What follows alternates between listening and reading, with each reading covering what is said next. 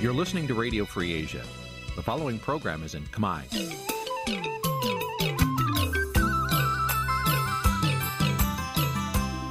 Nǐ chi càm bi tiệp xáy vệt chiu a zì sê នេះជាកម្មវិធីផ្សាយរបស់ Vithu Azisari ជាភាសាខ្មែរ វិទ្យុអាស៊ីសេរីសូមស្វាគមន៍លោកអ្នកនាងទាំងអស់ពីរដ្ឋធានី Washington នៃសហរដ្ឋអាមេរិក បាទខ្ញុំបាទយ៉ងច័ន្ទដារាសូមជម្រាបសួរលោកអ្នកនាងអ្នកស្ដាប់វិទ្យុអាស៊ីសេរីទាំងអស់ជាទីមេត្រីបាទខ្ញុំបាទសូមជូនកម្មវិធីផ្សាយសម្រាប់យប់ថ្ងៃប្រហោះមួយកើតខែបោះឆ្នាំថោះបัญចស័កពុទ្ធសករាជ2567ដែលត្រូវនឹងថ្ងៃទី11ខែមករាគ្រិស្តសករាជ2024បាទជាដំបូងនេះសូមអញ្ជើញអស់លោកអ្នកនាងស្ដាប់ព័ត៌មានប្រចាំថ្ងៃដែលមានមេត្តាដូចតទៅ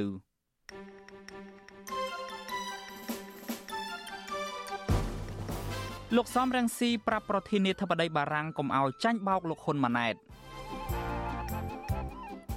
គណៈបកកម្លាំងជាតិប្រកាសស្វែងរកដំណោះស្រាយជាមួយនឹងគណៈបកភ្លើងទៀនសម្រាប់ការបោះឆ្នោតព្រឹទ្ធសភាកសិករមួយចំនួននៅតាមខេត្តត្អូញត្អែពីបញ្ហាខ្វះទឹកធ្វើស្រែនៅរដូវប្រាំងនេះ កោតកោកាស៊ីណូ Naga World ដើរស៊ីឈ្នួលរកប្រាក់ផ្គត់ផ្គង់ជីវភាពដើម្បីទាមទារសិទ្ធិការងាររួមនឹងព័ត៌មានសំខាន់ៗមួយចំនួនទៀត។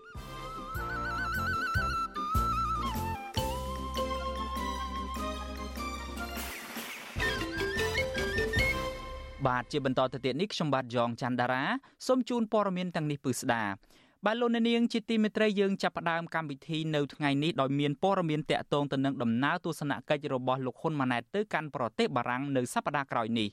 មុនពេលដែលលោកហ៊ុនម៉ាណែតទៅបំពេញទស្សនកិច្ចនៅប្រទេសបារាំងនេះគឺថាមេដឹកនាំគណៈបកប្រឆាំងលោកសំរងស៊ីបានផ្ញើសារប្រាប់ទៅប្រធានាធិបតីបារាំងកុំឲ្យចាញ់បោកលោកហ៊ុនម៉ាណែតនៅឆ្នាំ2024ដោយចាញ់បោកលោកហ៊ុនសែនកាលពីឆ្នាំ2022ដែរដោយលោកចោទថាឪពុកនិងកូននេះគឺជាត្រកូលផ្ដាច់ការ បាទការផ្ញើសាររបស់លោកសំរងស៊ីបែបនេះគឺនៅមុនពេលដែលលោកហ៊ុនម៉ាណែតក្រុងទៅបំពេញទស្សនកិច្ចនៅប្រទេសបារាំងនៅសប្តាហ៍ក្រោយនេះប្រធានអង្គការ23តុលានៅប្រទេសបារាំងយល់ថាដំណើរទស្សនកិច្ចរបស់លោកហ៊ុនម៉ាណែតទៅប្រទេសបារាំងនៅពេលនេះគឺដើម្បីមុខមាត់ផ្ទាល់ខ្លួនច្រើនជាងប្រយោជន៍របស់ជាតិបាទលោកថាថៃរាយការណ៍ព័ត៌មាននេះជូនលោកអ្នកនាងមេបកប្រឆាំងដែលកំពុងនិរទេសខ្លួនក្នុងប្រទេសបារាំងផ្ញើសារប្រាប់ប្រធានាធិបតីបារាំងលោកអេម៉ានូអែលម៉ាក្រុង ថាលោកហ៊ុនម៉ាណែតមិនខុសពីឪពុករបស់លោកនោះទេគឺមានចរិតផ្ដាច់ការបំផ្លាញជាតិជិះជាន់អ្នកប្រជាធិបតេយ្យនិងធ្វើបាបប្រជាពលរដ្ឋលោកសំរងស៊ីបានសរសេរនៅលើគណនី Facebook របស់លោកនៅថ្ងៃទី11មករាថាប្រធានាធិបតីបារាំងគូតែបញ្ឈប់ការចាញ់បោកលោកហ៊ុនម៉ាណែតដោយកាលពីជំនួបជាមួយលោកហ៊ុនសែនទៀតព្រោះលោកនឹងត្រូវបានក្រុមលោកហ៊ុនម៉ាណែតផ្ដាល់ព័ត៌មានមិនពិតអំពីប្រទេសកម្ពុជា លោកសំរងស៊ីបន្តថាដំណើរទស្សនកិច្ចរបស់លោកហ៊ុនម៉ាណែតទៅបារាំងនៅថ្ងៃទី18និងទី19ខែមករាខាងមុខនេះកំពុងធ្វើឲ្យប្រជាជនកម្ពុជាបារម្ភអំពីផលវិបាកនានាដូចជាការរំលោភសិទ្ធិមនុស្សដោយសារពួកគាត់ធ្លាប់បានជួបប្រទេសរឿងរ៉ាវតក់ស្លុតរួចហើយក្រោយពេលលោកហ៊ុនសែនបានជួបលោកអេម៉ានូអែលម៉ាក្រុងនៅវិមានអេលីសេកាលពីចុងឆ្នាំ2022លោកសំរងស៊ីបន្ថែមថានៅពេលនោះលោកក៏ធ្លាប់ប្រមានទៅប្រធានាធិបតីបារាំងលោកម៉ាក្រុងដែរ ថាលោកហ៊ុនសែនគឺជាជនផ្ដាច់ការដែលប្រជាជនខ្មែរភៀសច្រើនមិនផ្ដល់តម្លៃនិងត្រូវបានថ្កោលទោសគ្រប់ទិសទីដោយសហគមន៍ពិភពលោកនៃប្រជាជាតិប្រជាធិបតេយ្យក៏ប៉ុន្តែលោកម៉ាក្រុងបែរជាមិនចង់បើកភ្នែកមើលនោះទេមេបកប្រឆាំងដែលមានសញ្ជាតិបារាំងរូបនេះរំលឹកថានៅពេលលោកហ៊ុនសែនវិលត្រឡប់ពីបារាំងវិញលោកក៏បន្តអនុវត្តគោលនយោបាយរដ្ឋបတ်របស់លោកពេញមួយឆ្នាំនៅឆ្នាំ2023ករណីទាំងនោះដូចជាការចាប់ខ្លួនអនុប្រធានគណៈបកភ្លឹងទៀនលោកថៃសិដ្ឋា ការបិទវិទ្យុសំឡេងប្រជាធិបតេយ្យ VOD ការកាត់ទោសលោកកម្មសខាឲ្យជាប់ពន្ធនាគារ27ឆ្នាំការកាត់ទោសមេដឹកនាំសហជីពនាការវលកញ្ញាឈឹមស៊ីធឲ្យជាប់ពន្ធនាគារ2ឆ្នាំព្រមទាំងមានការចាប់ឃុំខ្លួននិងអំពើហិង្សាវាយដំកាប់សម្លាប់លើអ្នករិះគន់ជាច្រើនអ្នកទៀត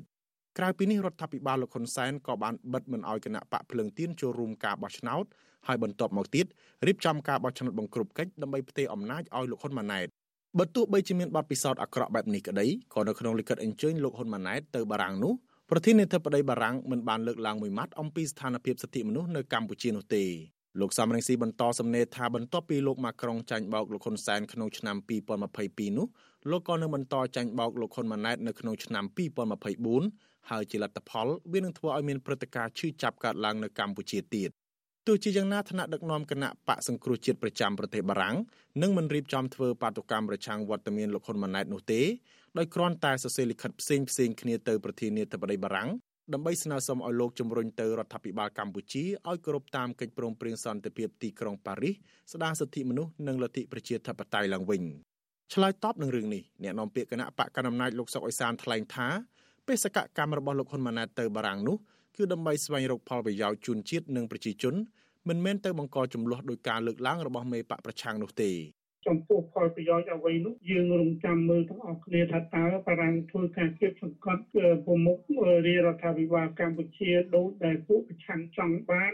ឬមួយក៏យើងឃើញថាមានការពង្រឹងពង្រីកទំនាក់ទំនងទ្វេភាគីរវាងបារាំងកម្ពុជានេះក៏បានកម្រិតណាអានឹងយើងមិនទាន់អាចទេទុកបានទេ បាទគឺតែគោលបំណងនិងសំណូមពរនៃដំណើរទស្សនកិច្ចនេះគឺទៅរមិត្តផ្ទុយពីការលើកឡើងនេះប្រធានក្រុមប្រឹក្សា23ដុល្លារឆ្នាំ1991លោកប៉ែនវ៉ាណូយល់ថាដំណើរទស្សនកិច្ចរបស់លោកហ៊ុនម៉ាណែតទៅប្រទេសបារាំងនោះគឺជាការស្វែងរកមុខមាត់ផ្ទាល់ខ្លួននិងការចង់បានការទទួលស្គាល់ភាពស្របច្បាប់នៃការឡើងកាន់អំណាចរបស់លោកជាជាងការស្វែងរកផលប្រយោជន៍ជូនជាតិនិងប្រជាជន លោកប៉ែនវ៉ាណូបន្តថាការសរសេរលិខិតរបស់ក្រុមលោកសំរងស៊ីទៅប្រធានាធិបតីបារាំងគឺជារឿងមួយក៏ប៉ុន្តែលោកសោកស្ដាយដែលលោកសំរងស៊ីនិងសហការីរបស់លោកមិនបានដឹកនាំធ្វើបាតុកម្មប្រឆាំងវត្តមានលោកហ៊ុនម៉ាណែត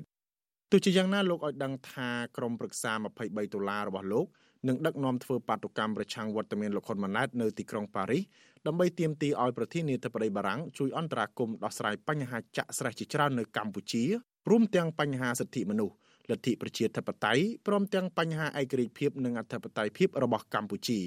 សម្រាប់ថ្ងៃបាតកម្មក្នុងនាមនៃបាតកោទាំងអស់ហ្នឹងយើងស្នើសុំឲ្យលោក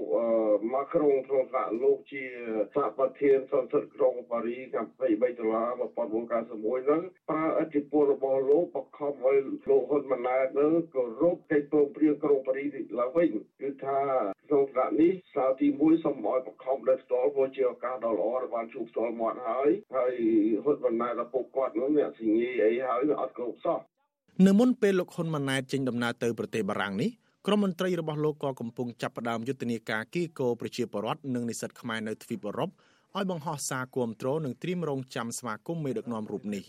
អ្នកខ្លាំមើលយល់ថានិស្សិតគឺជាក្រុមបញ្ញវន្តរៀនសូត្រចេះដឹងជ្រៅជ្រះដូច្នេះគួរតែផ្ដល់សិទ្ធិឲ្យពួកគាត់បញ្ចេញមតិយោបល់ឲ្យរដ្ឋាភិបាលធ្វើរឿងដែលមានប្រយោជន៍ពលគឺក្រុមលោកហ៊ុនម៉ាណែតមិនគួរប្រើប្រាស់ពួកគាត់ដើម្បីថតវីដេអូនិយាយគាំទ្រលោកហ៊ុនម៉ាណែត ដែលគ្រាន់តែទៅប្រទេសបារាំងដើម្បីកេងចំណេញនយោបាយនោះទេ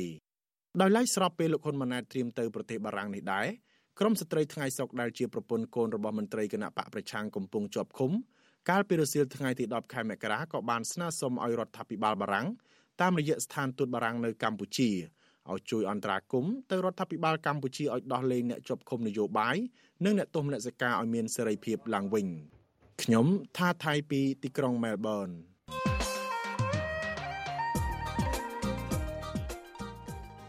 បាទលោកអ្នកនាងជាទីមេត្រីចាប់តាំងពីឆ្នាំ1993មក កម្ពុជាបានប្រកាន់យករបបប្រជាធិបតេយ្យអាស្រ័យរដ្ឋធម្មនុញ្ញជាង30ឆ្នាំមកនេះប្រជាពលរដ្ឋបានស្គាល់រសជាតិប្រជាធិបតេយ្យតាមរយៈការបោះឆ្នោតជ្រើសរើសមេដឹកនាំថ្មីក៏ប៉ុន្តែចាប់តាំងពីឆ្នាំ2017មកគណៈបកកណ្ដាលអំណាចបានរំលាយគណៈបកសង្គ្រោះជាតិនិងបំផ្លាញប្រជាធិបតេយ្យស្ទើរតែទាំងស្រុងតើអនាគតប្រជាធិបតេយ្យនៅកម្ពុជានឹងទៅជាបែបណា តើប្រជាពលរដ្ឋនិងអ្នកនយោបាយបកប្រឆាំងត្រូវធ្វើបែបណាខ្លះដើម្បីស្ដារលទ្ធិប្រជាធិបតេយ្យឡើងវិញបាទនេះគឺជាប្រធានបទនៃវេទិកាអ្នកស្ដាប់វិទ្យុអាស៊ីសេរីនៅយប់ថ្ងៃសុក្រស្អែកនេះលោកអ្នកនាងអាចបញ្ចេញមតិយោបល់ឬសួរសំណួរដោយដាក់លេខទូរស័ព្ទរបស់លោកអ្នកនាងនៅក្នុងប្រអប់ខ្ទង់ comment Facebook YouTube និង Telegram ដែលអាស៊ីសេរីផ្សាយផ្ទាល់នោះបាទក្រុមការងាររបស់យើងនឹងតាក់ទងទៅលោកអ្នកនាងវិញបាទសូមអរគុណ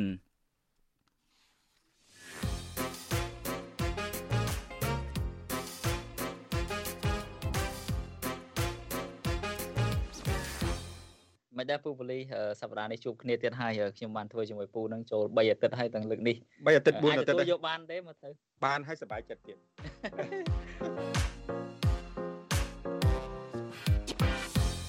រឿងដែលកឲ្យកត់សម្គាល់ហ្នឹងមិនមែនទៅសាកថ្មជីវិតទេបាទយើងបានទាំងសាកជីវិតនិងថ្មទៀតបាទដួលផងអីផងសាកជីវិតនិងថ្មទៀត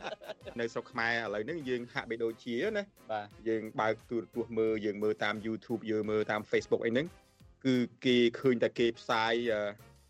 គ្រឿងស្រវឹងបាទស្រាបៀរហើយនិងទឹក energy drink បាទទឹកស្អីគេ energy drink គេហៅភេសជ្ជៈបើកម្លាំងភេសជ្ជៈបើកម្លាំងបាទហើយបើសិនជាយើងអ្នកឯនាយសមុទ្រនេះបើសិនជាពូបើកមើល TV YouTube Facebook ហ្នឹងថាគិតថាប្រទេសកម្ពុជាឥឡូវនេះគេលែងញ៉ាំទឹកអីហើយគេក្រៅពីបៀហើយនឹងទឹកបើកម្លាំងហ្នឹងមិនទៅហើយហេតុអីនាំគ្នាឡើងភ្នំ ទៅប៉ះថ្មជីវិតជីវិតប៉ះថ្មហ្នឹងគឺអត់យករបស់អញ្ចឹងអញ្ចឹងទៅសបាយមិនកើតទេលោក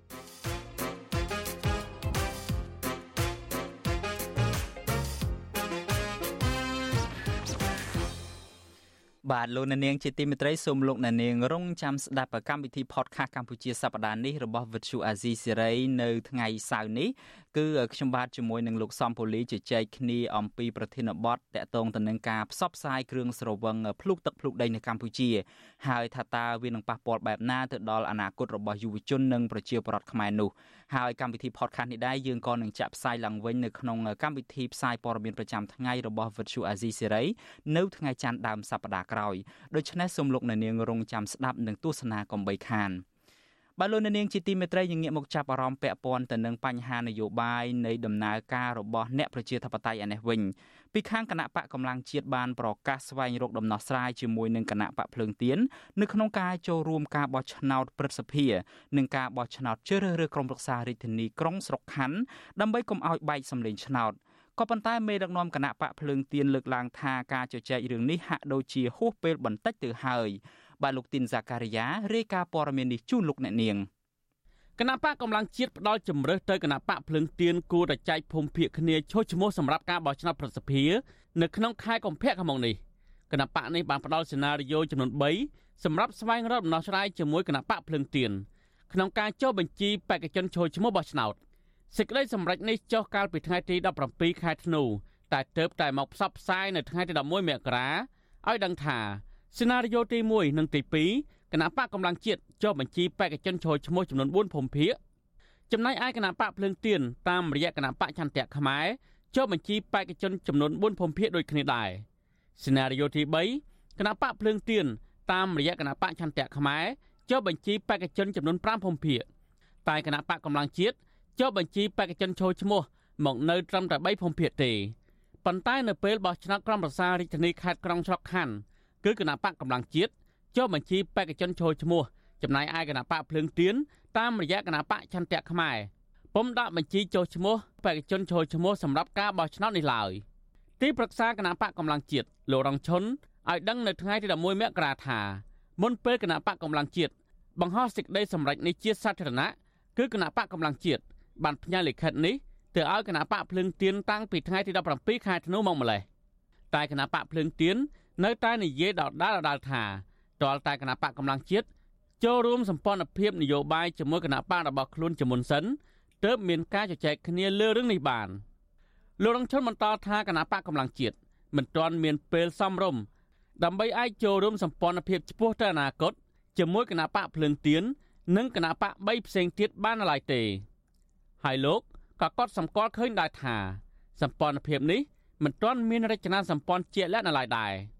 លោករងឈុនបញ្ជាក់ថាការដើរគណៈបកកម្លាំងជាតិបង្ហាញសេណារីយ៉ូនៅពេលនេះ ជាការបង្ហាញចំហទន់ភ្លន់ដើម្បីឈ្នះឈ្នះទាំងអស់គ្នាគណៈបកកម្លាំងជាតិយើងត្រូវការពេលវេលារៀបចំខ្លួនហើយ វាយើងនឹងចូលក្នុងកដាកលៈទេសៈពេលវេលាណាមួយប៉ុន្តែមិនទាន់ចូលដល់ពេលនេះដូច្នេះវាមិនត្រូវយកសម្ព័ន្ធយកមកចងទេយើងត្រូវទៅចែកគ្នាកុំឲ្យវាខាតហើយបើសិនជាចេញមិនរួចអានឹងប្រកួតគ្នាអានឹងវាគេថាចាញ់ចាញ់ទៅទាំងអស់គ្នាហើយបាទនឹងហើយអ្នកដែលឈ្នះគឺគណៈបកកណ្ដាលអំណាចឆ្លើយតបនឹងរឿងនេះអនុប្រធានគណៈបកភ្លើងទៀនលោកសនឆៃ ដែលលោកចូលឈ្មោះជាបេក្ខជនព្រឹទ្ធសភាឲ្យគណៈបកចន្ទៈខ្មែរមានប្រសាសន៍ថាលោកមិនសូវយល់ពីយុទ្ធសាស្ត្រឬសេណារីយ៉ូរបស់គណៈបកកម្លាំងជាតិនៅពេលនេះឡើយទោះជាយ៉ាងណាលោកថាសំណើរបស់គណៈបកកម្លាំងជាតិនៅពេលនេះហាក់យឺតពេលបន្តិចទៅហើយពីព្រោះគណៈបកភ្លើងទៀនតាមរយៈគណៈបកចន្ទៈខ្មែរបានដាក់បេក្ខជនគ្រប់ភូមិភាគរួចហើយទោះជាបែបនេះក្តីលោកថាចំហរបស់លោកផ្ទាល់លោកនៅតែយល់ថាគណៈបកទាំងពីរ នៅតែជជែកគ្នាបានដដែល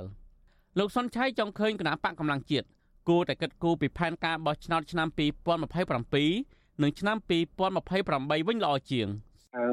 បេក្ខជនដែលចេញពីគណៈបកភ្លើងទៀនដូចជាមិនបារម្ភទេដោយសារគណៈបកភ្លើងទៀននៅគ្រប់គ្រងរចនាសម្ព័ន្ធនិងអង្គបោះឆ្នោតខ្ញុំថាគណៈបកកម្លាំងជាតិគួរគិតទៅដល់ឆ្នាំ2027វិញបាទអ្វីដែលដែលជាការប្រកួតប្រជែងព្រឹត្តិភាពដូចជាហួសពេលហើយហើយក៏មិនមិនគួរលើកយកបញ្ហានេះមកជជែកដែរទេបាទគណៈបកភ្លើងទៀនបានចង់សម្ព័ន្ធភាពនយោបាយជាមួយគណៈបកប្រជាធិបតេយ្យមូលដ្ឋានគណៈបកឆន្ទៈខ្មែរ និងគណៈបកកែតម្រង់កម្ពុជាគណៈបកភ្លើងទៀនក៏បានផ្ដល់សិទ្ធិទៅឲ្យគណៈបកឆន្ទៈខ្មែរសម្រាប់ចូលរួមការបោះឆ្នោតប្រសិទ្ធភាពនិងការបោះឆ្នោតក្រុមប្រឹក្សារាជធានីខេត្តក្រុងស្រុកខណ្ឌជំនួសឲ្យគណៈបកភ្លើងទៀនក្រោយពីគណៈបកភ្លើងទៀនត្រូវបានកោជបមិនអនុញ្ញាតឲ្យចូលរួមការបោះឆ្នោតកាលពីឆ្នាំ2023នោះហើយបញ្ហានេះមេដឹកនាំគណៈបកភ្លើងទៀនមួយចំនួនក៏ចេញទៅបង្កើតគណៈបកកម្លាំងជាតិ នឹងបានសម្រេចចូលរួមបោះឆ្នោតអសកលទាំងពីរនេះដែរការបោះឆ្នោតប្រសិទ្ធភាពនេះជាការបោះឆ្នោតអសកលហើយអង្គបោះឆ្នោតគឺជាសមាជិកក្រុមប្រឹក្សាឃុំសង្កាត់ទូទាំងប្រទេសសប្តាហ៍ថ្ងៃគណៈបកនយោបាយដែលមានអង្គបោះឆ្នោតនេះ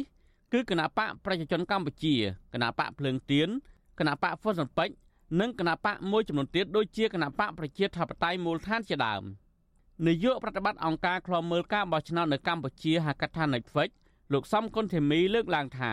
គណៈបកនយោបាយទាំងពីរដណ្ដើមអង្គបោះឆ្នោតគ្នាតែមួយដូចនេះនឹងធ្វើឲ្យសម្លេងឆ្នោតថយចុះហើយអាចធ្វើឲ្យគណៈបកទាំងពីរប្រឈមនឹងការបាត់បង់អាសនៈប្រសិទ្ធភាពទាំងអស់តែម្ដងលោកបន្តថាបើទោះបីជាអង្គបោះឆ្នោតរបស់គណៈបកទាំងពីរនេះមកពីគណៈបកភ្លើងទៀនតែមួយក្តីប៉ុន្តែមិនប្រកាសថាអង្គបោះឆ្នោតទាំងអស់នឹងបោះឆ្នោតជូនគណៈបកចន្ទៈខ្មែរតែមួយនោះទេដូច្នេះអ្នកជំនាញកិច្ចការបោះឆ្នោតរូបនេះ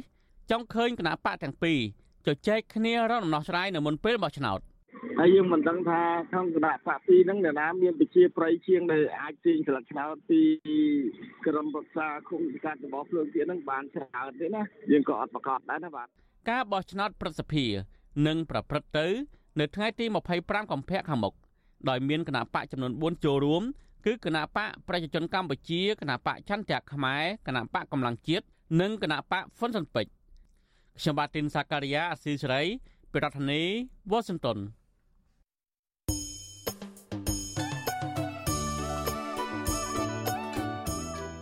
បាទលោកអ្នកនាងជាទីមេត្រីដំណើរគ្នានឹងស្ដាប់ការផ្សាយរបស់ Vuthu Azizi Serai នៅតាមបណ្ដាញសង្គម Facebook YouTube និង Telegram លោកអ្នកនាងក៏អាចស្ដាប់ការផ្សាយរបស់យើងខ្ញុំតាម Vuthu រលកធាតុអាកាសខ្លីបានដែរគឺតាមកម្រិតនិងកម្ពស់ដូចតទៅនេះ។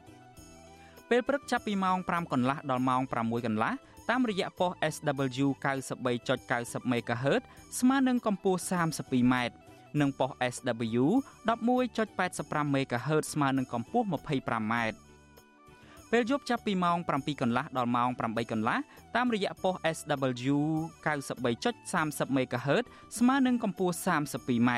ប៉ុស SW 11.88 MHz ស្មើនឹងកម្ពស់ 25m និងប៉ុស SW 15.15 MHz ស្មើនឹងកម្ពស់ 20m បាទសូមអរគុណ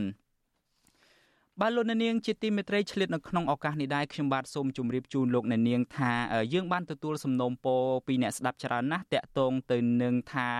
កុំអោយអាស៊ីសេរីនឹងដាក់ចំណងជើងដែលប្រះចាក់ពីខ្លឹមសារនៃព័ត៌មានឧទាហរណ៍ដូចជាដាក់ចំណងជើងថា Vivo ហើយលោកហ៊ុនសែនត្រូវតុលាការព្រហ្មទណ្ឌអន្តរជាតិយកទៅកាត់ទោសជាដើមក៏ប៉ុន្តែនៅពេលដែលលោកអ្នកនាងចុចទៅស្ដាប់ទៅគឺមិនលឺនិយាយអំពីរឿងនេះសោះ បាទយើងខ្ញុំសូមជម្រាបជូនលោកអ្នកនាងថាការដាក់ចំណងជើងដែលខុសពីខ្លឹមសារទាំងនេះគឺជាការបោកប្រាស់របស់ក្រុមរកស៊ីតាម YouTube តែប៉ុណ្ណោះពួកគេបានលួចយកខ្លឹមសារនៃការផ្សាយរបស់ Vuthu Azizi Serai ទៅកាត់តរួចក៏បដូរចំណងជើងទៅតាមរបៀបប្លែកៗហួសហេតុដែលខុសពីការពិតនៅក្នុងគោលបំណងតាក់ទាញចិត្តរបស់លោកអ្នកនាងកញ្ញាឲ្យទៅចុចស្ដាប់ឬមួយក៏ទស្សនាដើម្បីបាន view កាន់តែច្រើន។ បាទនៅពេលដែលលោកអ្នកនាងចុចចូលទៅស្ដាប់ឬមួយក៏ទៅទស្សនាមេតិការប្រភេទនេះគឺលោកអ្នកនាងអាចនឹងទទួលបាន notification ឬមួយក៏ខ្លឹមសារព័ត៌មានប្រភេទនេះម្ដងហើយម្ដងទៀតដូច្នេះសូមលោកអ្នកនាងជ្រាបឲ្យច្បាស់ថាស៊ីសេរីមិនដែលដាក់ចំណងជើងដែលខុសពីខ្លឹមសារបែបនេះទេ លោកអ្នកនាងកញ្ញាអាចចូលរួមទប់ស្កាត់ការបោកប្រាស់ទាំងនេះបានដោយឈប់ចុចស្ដាប់ឬមួយក៏ឈប់ចុចទស្សនាការចុះផ្សាយណាដែលដាក់ចំណងជើងខុសប្លែកគួរឲ្យសង្ស័យទាំងនេះជាពិសេសទៅទៀតនោះគឺថាដើម្បីឲ្យស្ដាប់ឬមួយក៏ទស្សនាការផ្សាយព័ត៌មានពិតរបស់ Vuthu Azizi Serai សូមលោកអ្នកនាងចូលទៅក្នុង Channel របស់ Azizi Serai តែម្ដងទៅគឺនៅលើបណ្ដាញសង្គម YouTube ដែលមានអាសយដ្ឋាន www.youtube.com/@rfa ខ្មែរបាទសូមអរគុណ បាទលោកនាងជាទីមេត្រីព័ត៌មានជាបន្តទៅទៀតនេះគឺតកតងទៅនឹងបញ្ហានៃវិស័យកសិកម្ម ដោយដែលលោកអ្នកនាងមួយចំនួនប្រហែលជាបានជ្រាបស្រាប់ហើយថានៅរយៈពេលថ្មីថ្មីនេះប្រជាកសិករជាច្រើនជាពិសេសនៅតាមខេត្តដែលនៅជុំវិញបឹងទន្លេសាបបានត្អូញត្អែថាពួកគាត់មិនមានទឹកប្រើប្រាស់គ្រប់គ្រាន់នោះទេ ហើយការឆ្លើយតបរបស់អាជ្ញាធរនោះវិញគឺជារឿងគួរឲ្យខកចិត្តមែនទែនគឺថាអាជ្ញាធរមានតែស្នើសុំកុំឲ្យប្រជាពលរដ្ឋធ្វើស្រែប្រាំងទៅវិញដោយសារតែខ្វះទឹកនោះឯងបាទសូមលោកអ្នកនាងស្ដាប់សេចក្តីរាយការណ៍ពឹស្ដារអំពីរឿងនេះរបស់លោកសេកបណ្ឌិតដូចតទៅ។ កសិករនៅតាមបណ្ដាខេត្តមួយចំនួន និងខេត្តជាប់តំបន់បឹងទន្លេសាបក្នុងខេត្តពោធិ៍សាត់កំពង់ស្ពឺ និងខេត្តកំពង់ធំជាដើមអំពាវនាវឲ្យរដ្ឋាភិបាលស្ដារប្រព័ន្ធធារាសាស្ត្រគ្រប់ច្រកល្ហកដើម្បីឲ្យកសិករមានទឹកគ្រប់គ្រាន់ធ្វើស្រែគ្រប់រដូវកាលទប់ស្កាត់ពលរដ្ឋចំណាក់ស្រុក និងបង្កើនប្រាក់ចំណូលគ្រួសារប្រជាកសិករសោកស្ដាយចំពោះដីស្រែកសិកម្មរាប់ម៉ឺនហិកតាទុកទំនេរចោលនៅរដូវប្រាំង ដោយសារខ្វះទឹកធ្វើកសិកម្មជាច្រើនឆ្នាំមកហើយកសិកររស់នៅខេត្តកំពង់ស្ពឺ លោកលាវសារំប្រាប់បទសុអសីសេរី នៅថ្ងៃទី11មករាថាផ្ទៃដីកសិកម្មក្នុងខេត្តកំពង់ស្ពឺស្ទើរតែគ្រប់ស្រុកកម្រមានពលរដ្ឋធ្វើស្រូវប្រាំងដោយសារគ្មានប្រព័ន្ធធារាសាស្ត្រគ្រប់គ្រាន់លោកថាជារៀងរាល់ឆ្នាំពេលដល់រដូវប្រាំងចូលមកដល់ ពលរដ្ឋភៀកច្រើនធ្វើចំណាក់ស្រុកស្ងាត់ភូមិដោយទុកដីស្រែនៅទំនេរចោលដោយសារតែគ្មានទឹកធ្វើកសិកម្មគ្រប់គ្រាន់។ ព្រួយបារម្ភដែរដោយសារកំពង់ស្ពឺមានប្រព័ន្ធធារាសាស្ត្រឲ្យបានត្រឹមត្រូវវិជាបរដ្ឋអាចធ្វើស្រែប្រាំងបាននិងវិជាបរដ្ឋមិនសូវចំណាក់ស្រុកប្រមាណទេគាត់ធ្វើស្រែភាសាហើយគាត់ធ្វើស្រែប្រាំងទៀតនិងគាត់អាចរស់បានគាត់អាចមានលុយក្នុងខ្លួនខ្លះអញ្ចឹងណាដើម្បីលក់ស្រូវទៅបានលុយខ្លះសម្រាប់បងធនាគារអីចឹងទៅគាត់ធ្វើតែស្រែភាសាទេហើយគាត់អត់មានប្រភពទឹកអត់មានប្រព័ន្ធធារាសាស្ត្រសម្រាប់ធ្វើស្រូវប្រាំងទេគឺពួកគាត់ដែលជួបការលំបាកមែនទែននៅកំពង់មួយទៀតប្រព័ន្ធធារាសាស្ត្រនៅកំពង់ស្ពឺគឺអត់មាន ចំណែកឯកសិកររស់នៅខេត្តពោធិ៍សាត់វិញ គឺកញ្ញាលឹមសួរឲ្យដឹងថា គ្រួសារកញ្ញា និងអ្នកភូមិភៀកច្រើនធ្វើកសិកម្មប្រវាស់មេឃតាំងពីបុរាណកាលមក ដោយសារខ្វះប្រព័ន្ធប្រឡាយទឹក និងប្រព័ន្ធធារាសាស្ត្រដើម្បីទាញទឹកស្រោចស្រពធ្វើស្រែប្រាំងកញ្ញាបញ្ជាក់ថាកសិករភៀកច្រើនតែងតែធ្វើស្រែបានតែក្នុងរដូវវស្សាជួនកាលឆ្នាំខ្លះរងគ្រោះដោយទឹកជំនន់និងគ្រោះរាំងស្ងួតខូចខាតស្រូវស្ទើរតែទាំងស្រុង។ បើមានទឹកគ្រប់គ្រាន់យើងអាចប្រើប្រាស់ដីហ្នឹងឲ្យអស់ពីលទ្ធភាពវាចំណេញល្អសម្រាប់កសិករដល់ពេលយើងអត់មានទឹកគ្រប់គ្រាន់យើងរំពឹងតែមេភ្លៀងវាខាតដែលយើងទុកដីស្រែចោលជាងកន្លះឆ្នាំអត់បានធ្វើអីហ៎ថ្មីថ្មីនេះអាជ្ញាធរខេត្តពោធិ៍សាត់កំពង់ឆ្នាំងនិងស្វាយរៀងបានចេញលិខិតណែនាំឲ្យកសិករផ្អាកបង្កបង្កើនផលស្រូវប្រាំងលើកទី2ដោយលើកហេតុផលថានាំឲ្យខ្វះទឹកប្រើប្រាស់ រដ្ឋបាលខេត្តពោធិ៍សាត់បានបញ្ជាក់ថាផែនការសក្តានុពលទឹកស្រោចស្រពស្រូវប្រាំងបានត្រឹមតែ20000ហិកតាប៉ុណ្ណោះក៏ប៉ុន្តែផ្អែកតាមការពិនិត្យជាក់ស្ដែង ការបង្កបង្កើនផលរបស់កសិករកើនឡើងរហូតដល់ជិត50000ហិកតាកសិកររស់នៅស្រុកស្ទូងខេត្តកំពង់ធំ លោកឆាយចែងសង្កេតឃើញថាដីកសិកម្មនៅខេត្តកំពង់ធំ មានសក្តានុពលល្អធ្វើស្រែប្រាំង ប្រសិនបើមានប្រព័ន្ធធារាសាស្ត្រគ្រប់គ្រាន់កសិករអាចធ្វើស្រែប្រាំងបាន2ទៅ4ដង ក្នុងមួយឆ្នាំក៏ប៉ុន្តែបច្ចុប្បន្នមានកសិករតិចតួចប៉ុណ្ណោះដែលអាចធ្វើស្រែប្រាំងបាន ដោយសារតែខ្វះទឹកស្រោចស្រពហើយពួកគាត់ខ្លះទៀតបង្ខំចិត្តធ្វើចំណាក់ស្រុកវត្តជូអាស៊ីសេរីមិនទាន់អាចតាក់ទងសុំការអធិប្បាយអំពីបញ្ហានេះពីអ្នកនាំពាក្យក្រសួងធនធានទឹកលោកច័ន្ទយុធាបាននៅឡើយទេ នៅថ្ងៃទី11ខែមករា រីឯអ្នកនាំពាក្យក្រសួងកសិកម្មកញ្ញាអឹមរចនាក៏មិនទាន់អាចតាក់ទងបានដែរនៅថ្ងៃដដែលនេះក្រមប្រឹក្សាភិបាលរបស់អង្គការសាមគ្គីភាពកសិករកម្ពុជា លោកឌីគុនធាយល់ថាប្រសិនបើអាញាធរអនុវត្តសកម្មភាពតាមតែទម្លាប់ដោយគ្មានចក្ខុវិស័យវែងឆ្ងាយក្នុងក្របខ័ណ្ឌការងារផែនការយុទ្ធសាស្ត្ររយៈពេលវែងដើម្បីឆ្លើយតបនឹងបញ្ហាប្រឈមរបស់កសិករនោះទេ គឺជាការធ្វើប្រហែស នឹងការកិច្ចវេះរបស់អាជ្ញាធរពាក់ព័ន្ធដែលមិនព្រមដោះស្រាយបញ្ហានេះ រួមទុកផ្នែកគ្រោះមន្តរាយក៏ដូចជាអាជ្ញាធរថ្នាក់ក្រោមជាតិនិងមន្ត្រីរដ្ឋាភិបាលសូមមេត្តាបោះចោលនៅទម្លាប់ណត់គំនិតបែបអវិជ្ជមានដែលមិនទទួលស្គាល់នៅបទដ្ឋានបច្ចេកទេសគំរូបីរៀបចំជាយុទ្ធសាស្ត្រគ្រប់គ្រងនិងកាត់បន្ថយគ្រោះមហន្តរាយនិងមិនខ្វល់អំពីយុទ្ធសាស្ត្រដើម្បីធ្វើការកែលម្អជីវភាពរស់នៅរបស់ប្រជាពលរដ្ឋនៅតំបន់នោះឲ្យធន់ទៅនឹងការប្រែប្រួលអាកាសធាតុដោយសារតែมันមានឆន្ទៈក្នុងការរៀបចំធ្វើពូកែខាងជំនាញដោះស្រាយ កសិករបន្ថែមថាតម្លៃស្រូវឆ្នាំនេះឡើងថ្លៃខ្ពស់មានតម្លៃចន្លោះពី1200រៀលដល់1600រៀលបើធៀបនឹងឆ្នាំមុនមុនមានតម្លៃចន្លោះពី700រៀលដល់900រៀលក្នុង1គីឡូក្រាមពួកគាត់សង្កេតឃើញថាបច្ចុប្បន្នទឹកបឹងអូនិងស្ទឹង ដែលមានបណ្ដាញទឹកជាប់នឹងទន្លេសាប ក្នុងខេត្តពោធិ៍សាត់កំពង់ធំសៀមរាបបាត់ដំបង និងខេត្តកំពង់ឆ្នាំងភ ieck ច្រើន គោករាក់ដោយអន្លើដោយតំបន់ខ្លះមានការទន្ទ្រានចាក់ដីលុបធ្វើកម្មសិទ្ធិនិងខ្វះការថែទាំពីសំណាក់អាជ្ញាធរសម័យខ្ញុំបាទសេកបណ្ឌិតវុទ្ធុអាស៊ីសេរីពីរដ្ឋធានីវ៉ាស៊ីនតោន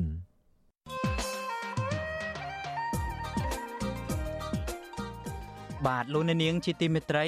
ចាប់តាំងពីឆ្នាំ1993មកកម្ពុជាបានប្រកាន់យករបបប្រជាធិបតេយ្យអាស្រ័យរដ្ឋធម្មនុញ្ញ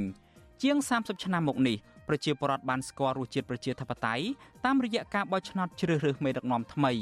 ក៏ប៉ុន្តែចាប់តាំងពីឆ្នាំ2017មកគណៈបកកណ្ដាលអំណាចបានរំលាយគណៈបកសង្គ្រោះជាតិនិងបំផ្លាញប្រជាធិបតេយ្យស្ទើរតែទាំងស្រុងតើអនាគតប្រជាធិបតេយ្យនៅកម្ពុជាទៅជាបែបណានៅឆ្នាំថ្មីនេះហើយថាតើប្រជាពលរដ្ឋនិងអ្នកនយោបាយបកប្រឆាំងត្រូវធ្វើបែបណាដើម្បីស្ដារលទ្ធិប្រជាធិបតេយ្យឡើងវិញនោះ។ បាទនេះគឺជាប្រធានបទនៃវេទិកាអ្នកស្ដាប់វិទ្យុអាស៊ីសេរីនៅយប់ថ្ងៃសុក្រស្អែកនេះបាទប្រសិនបើលោកអ្នកនាងចង់ចូលរួមបញ្ចេញមតិយោបល់ឬសួរសំណួរសូមលោកអ្នកនាងដាក់លេខទូរស័ព្ទរបស់លោកអ្នកនាងនៅក្នុងប្រអប់ខ្ទង់ comment នៃការផ្សាយរបស់ Vuthu Azizi Serai នៅតាមបណ្ដាញសង្គម Facebook YouTube និង Telegram បាទក្រុមការងាររបស់យើងនឹងហៅទៅលោកអ្នកនាងវិញ បាទសូមអរគុណ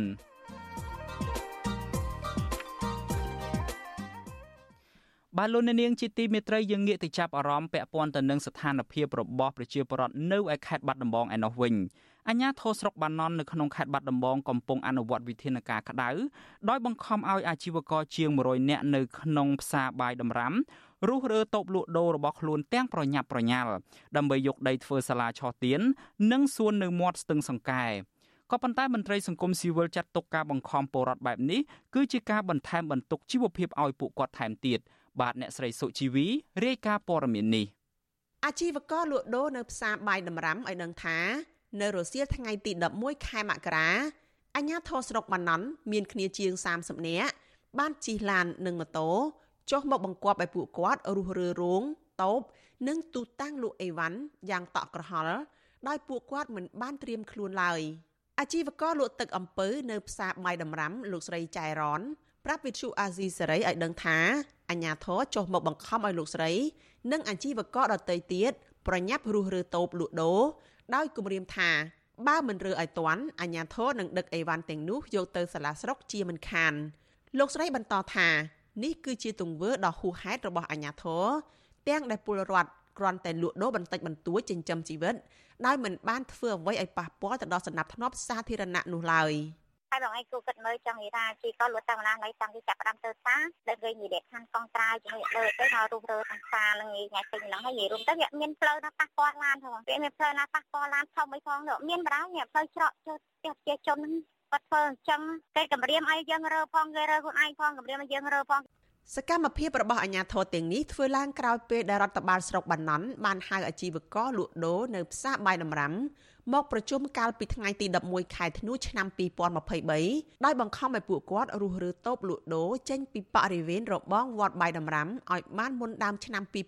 2024និងឲ្យពួកគាត់ទៅជួលតូបលក់នៅផ្សារថ្មីទើបបង្កើតដែលមានចម្ងាយពីផ្សារចាស់ប្រហែល1គីឡូម៉ែត្រតែអាជីវករភៀកច្រើនមិនសុខចិត្តនឹងការផ្លាស់ប្ដូរនេះឡើយព្រោះផ្សារថ្មីត្រូវចំណាយលុយជួលតូបថ្លៃ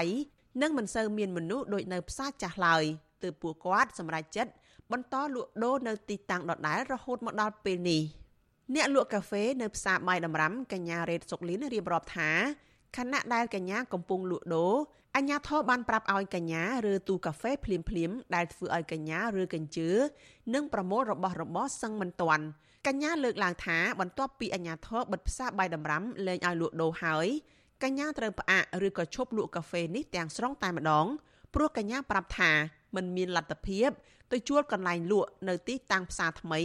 ដែលអាជ្ញាធរណែនាំឲ្យបដូរទៅនោះឡើយខ្ញុំប្រហែលជាផ្អាកលក់សិនដែរបងបើសិនជាទៅផ្សារថ្មីលំរួយខ្លួនឲ្យថ្លៃតូបទេមិនតែចំណេញអីច្រើនបងបានតែមកមកហូបទិញហូបរាល់ថ្ងៃហ្នឹងឯងបានតែមកនិយាយអញគេស្ដាប់ថាបានមកស៊ីមកស៊ីលក់តបតូចមួយហ្នឹងហើយអ្នកផ្សេងវិញព្រឹកឡើងចឹងគាត់បេះបន្លែបេះអីនៅផ្ទះគាត់យកមកលក់បានមកទិញទួចបានមកទិញមកហូបយកទៅហូបនៅផ្ទះហើយដល់ពេលឥឡូវគេឲ្យរើផ្សារហ្នឹងទៀតចឹង ការបង្ខំឲ្យពលរដ្ឋរុះរើយ៉ាងប្រញាប់ប្រញាល់នៅពេលនេះគឺក្រោមហេតុផលរបស់រដ្ឋបាលស្រុកដែលអះអាងថានឹងយកទីតាំងផ្សារបាយដំរាំអភិវឌ្ឍធ្វើសួនច្បារសាលាឆទៀននិងចិន្តាចុះស្ទឹងសម្រាប់បម្រើឲ្យភ្ញៀវទេសចរទៅទស្សនាសត្វជ្រឹងដែលមានសម្បុកនៅលើដើមឈើក្បែរនោះលើសពីនេះរដ្ឋបាលស្រុកបាណន់បានចោទទៅលើអាជីវករថាទន្ទ្រានយកដីចំណីផ្លូវស្ទឹងសង្កែសាងសង់តូបលក់ដូរ ដែលបណ្ដាលឲ្យបាត់បង់សណ្ដាប់ធ្នាប់កកស្ទះចរាចរណ៍តែក្រុមអាជីវករថាផ្សារប្រពៃណីបាយដំរាំនេះក៏កើតតាំងពីឆ្នាំ1990មកម្លេះដោយសារមានអ្នកភូមិដែលបេះបន្លែនិងនេសាទត្រីយកមកលក់កាន់តែច្រើនប៉ុន្តែមិនបណ្ដាលឲ្យកកស្ទះចរាចរណ៍និងបំពុលបរិស្ថានស្ទឹងនោះទេចំណែកឯផ្ទះដែលសង់រំលោភយកដីស្ទឹងនោះ គឺជាផ្ទះរបស់មេឃុំបាយដំរាំ គឺលោកងងឆាន់លីប៉ុន្តែអាជ្ញាធរមិនដែលចាត់វិធានការឡើយវិទ្យុអាស៊ីសេរីមិនអាចតាក់ទងអភិបាលស្រុកបានណន់លោកស្រីសុខានិងមេឃុំបាយដំរាំ លោកងងឆាន់លីដើម្បីសុំការបកស្រាយជុំវិញរឿងនេះបានទេ នៅថ្ងៃទី11ខែមករាជុំវិញរឿងនេះអ្នកគ្រប់គ្រងប្រចាំការិយាល័យអង្គការលីកាដូខេត្តបន្ទាយមានជ័យនិងបាត់ដំបងលោកអិនគង្ជិតលើកឡើងថា ការបណ្ដេញអាជីវករមិនឲ្យលក់ដូរនៅផ្សារបាយដំរាំនៅពេលនេះបន្ថែមសម្ពាធសេដ្ឋកិច្ចទៅលើពួកគាត់ឲ្យកាន់តែលំបាកខណៈអាជីវករមួយចំនួនលក់បន្លែផ្លែឈើនៅតាមកញ្ច្រែងល្អីគឺលក់មួយថ្ងៃសម្រាប់រស់មួយថ្ងៃតែប៉ុណ្ណោះនិងខ្លះទៀតកំពុងជាប់បំណុលធនាគារលោកយល់ឃើញថាផ្សារបាយដំរាំ គឺជាផ្សារប្រពៃណី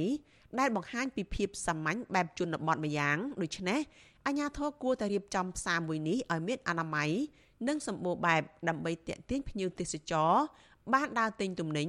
ដែលបង្កើតជាមុខរបរឲ្យប្រជាពលរដ្ឋជាជាងបង្ខំឲ្យបិទផ្សារបែបនេះ។ អាជ្ញាធរត្រូវគិតទាំងអស់បាទទាំងជីវភាពប្រាក់ចំណូលរបស់ប្រជាពលរដ្ឋនៅតំបន់ហ្នឹងហើយទាំងទេសចរបើសិនជាទេសចរបានរកចំណូលច្រើនអាហ្នឹងវាអត់អីទេប៉ុន្តែបើទេសចរវាមានបានផ្ដល់ចំណូលលេផងហើយចឹងយើងទៅផ្ដាច់ផ្ដិលប្រាក់ចំណូលរបស់ប្រជាពលរដ្ឋអាហ្នឹងវាអត់មានតលយៈភាពនេះអាហ្នឹងវាស្មើនឹងទៅកំតិចឆ្នាំងបាយរបស់ពួកគាត់ចឹងណា ផ្សារបាយដំរាំមានទីតាំងនៅមុខវត្តនិងក្បែររបងវត្តស្ថិតនៅតាមបណ្ដោយផ្លូវលំគ្រោះក្រហម ដែលមានដើមឈើដុះត្រឈឹងត្រជ័យជាជំរកសត្វជ្រឹងរាប់ម៉ឺនក្បាលកាលពីមុនធ្លាប់មានភ្ញៀវទេសចរទៅទស្សនាកំសាន្តដែលបានផ្ដល់ចំណូលបន្តិចបន្តួចទៅដល់ពលរដ្ឋដែរតែក្រោយពេលវិបត្តិជំងឺ Covid-19 ប្រជាពលរដ្ឋបានផ្លាស់ប្ដូរពីការលក់ដូរបែបទេសចរមកលក់បន្លែត្រីសាច់សម្លៀកបំពាក់ដោយដាក់ក្រាលនឹងដី ខ្លះមានតូបសង់ផុតពីដី និងភ្ជួរតាមឆ័ត្រជាដើមអាជីវករលក់ដូរនៅផ្សារនេះតែពេលព្រឹកប៉ុណ្ណោះដោយរើទៅវិញនៅពេលថ្ងៃត្រង់ក្រុមអាជីវករទាំងអស់ស្នើឲ្យរដ្ឋបាលស្រុកនិងខេត្តពិចារណាឡើងវិញ ទៅលើបញ្ហានេះដោយរៀបចំឲ្យពួកគាត់លក់ដូរមានរបៀបនៅលើទីតាំងចាស់ជាជាងផ្លាស់ពួកគាត់ទៅទីតាំងថ្មី ដែលមានតម្លៃជួលតូបថ្លៃប្រៀបបាននឹងការបំបែកឆ្នាំងបាយដ៏តូចរបស់ពួកគាត់ដូច្នោះដែរ នាងខ្ញុំសុជីវីវិទ្យុអាស៊ីសេរីពីរដ្ឋធានី Washington កម្មវិធីវិទ្យុអាស៊ីសេរីសម្រាប់ទូរស័ព្ទដៃអាចឲ្យលោកអ្នកនាង អានអត្ថបទទស្សនាវីដេអូនិងស្ដាប់ការផ្សាយផ្ទាល់ដោយឥតគិតថ្លៃនិងដោយគ្មានការរំខានដើម្បីអាននិងទស្សនាមេតិការថ្មីៗពីវិទ្យុអាស៊ីសេរី លោកអ្នកនាងគ្រាន់តែចុចបាល់កម្មវិធីរបស់ Vithu Azizi Saray ដែលបានដំឡើងរួចរាល់លើទូរស័ព្ទដៃរបស់លោកអ្នកនាងប្រសិនបើលោកអ្នកនាងចង់ស្ដាប់ការផ្សាយផ្ទាល់ឬការផ្សាយចាស់ចាស់សូមចុចលើប៊ូតុងរូប Vithu ដែលស្ថិតនៅផ្នែកខាងក្រោមនៃកម្មវិធីជាការស្រេច។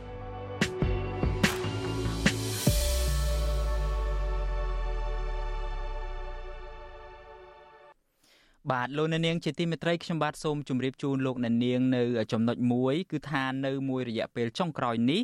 នៅក្នុងការផ្សាយរបស់ Virtual Azizi សេរីនៅលើបណ្ដាញសង្គម Facebook គឺថាមានការបញ្ចេញមតិយោបល់ផ្ទួនផ្ទួនដដែលដដែលរបៀបវាយលុកយ៉ាងច្រើនសន្ធឹកសន្ធាប់ហើយសូម្បីតែនៅក្នុងកម្មវិធីផ្សាយរបស់យើងនៅពេលនេះក៏មានសារបញ្ចេញមតិប្រភេទនេះដែរ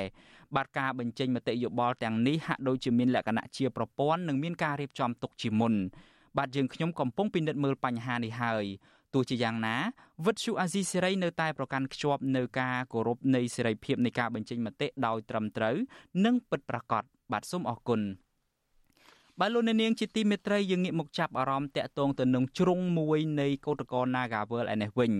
កញ្ញាសៀកបញ្ញា គឺជាស្ត្រីមួយរូបដែលតែងតែចេញមុខតវ៉ាប្រឆាំងទៅនឹងការរំលោភសិទ្ធិការងារពីសំណាក់ថៅកែបនលបែងកាស៊ីណូ Naga World ដើម្បីទាមទារឲ្យថៅកែគោរពសិទ្ធិសហជីពនិងដោះស្រាយបញ្ចប់វិវាទការងារជូនកម្មករចាប់តាំងពីបាត់បង់ការងារនៅឯក្រុមហ៊ុន Casino Naga World មកកញ្ញាសុកចិត្តដើរស៊ីឈ្នួលដើម្បីរកប្រាក់ដោះស្រាយជីវភាពគ្រួសារក៏ប៉ុន្តែកញ្ញាមិនបោះបង់ចោលការទៀមទារោគយុតិធធជូនកោតក្រ Naga World នោះឡើយ។ បាទថាតើកញ្ញាសៀកបញ្ញាមានប្រវត្តិតស៊ូនិងលះបង់សេចក្តីសុខផ្ទាល់ខ្លួនរបៀបណានោះដើម្បីតស៊ូនៅក្នុងវិវាទការងារមួយនេះបាទសូមលោកអ្នកនាងទស្សនាសេចក្តីរាយការណ៍ជាវីដេអូអំពីរឿងនេះរបស់លោកលេងម៉ាលីដូចតទៅ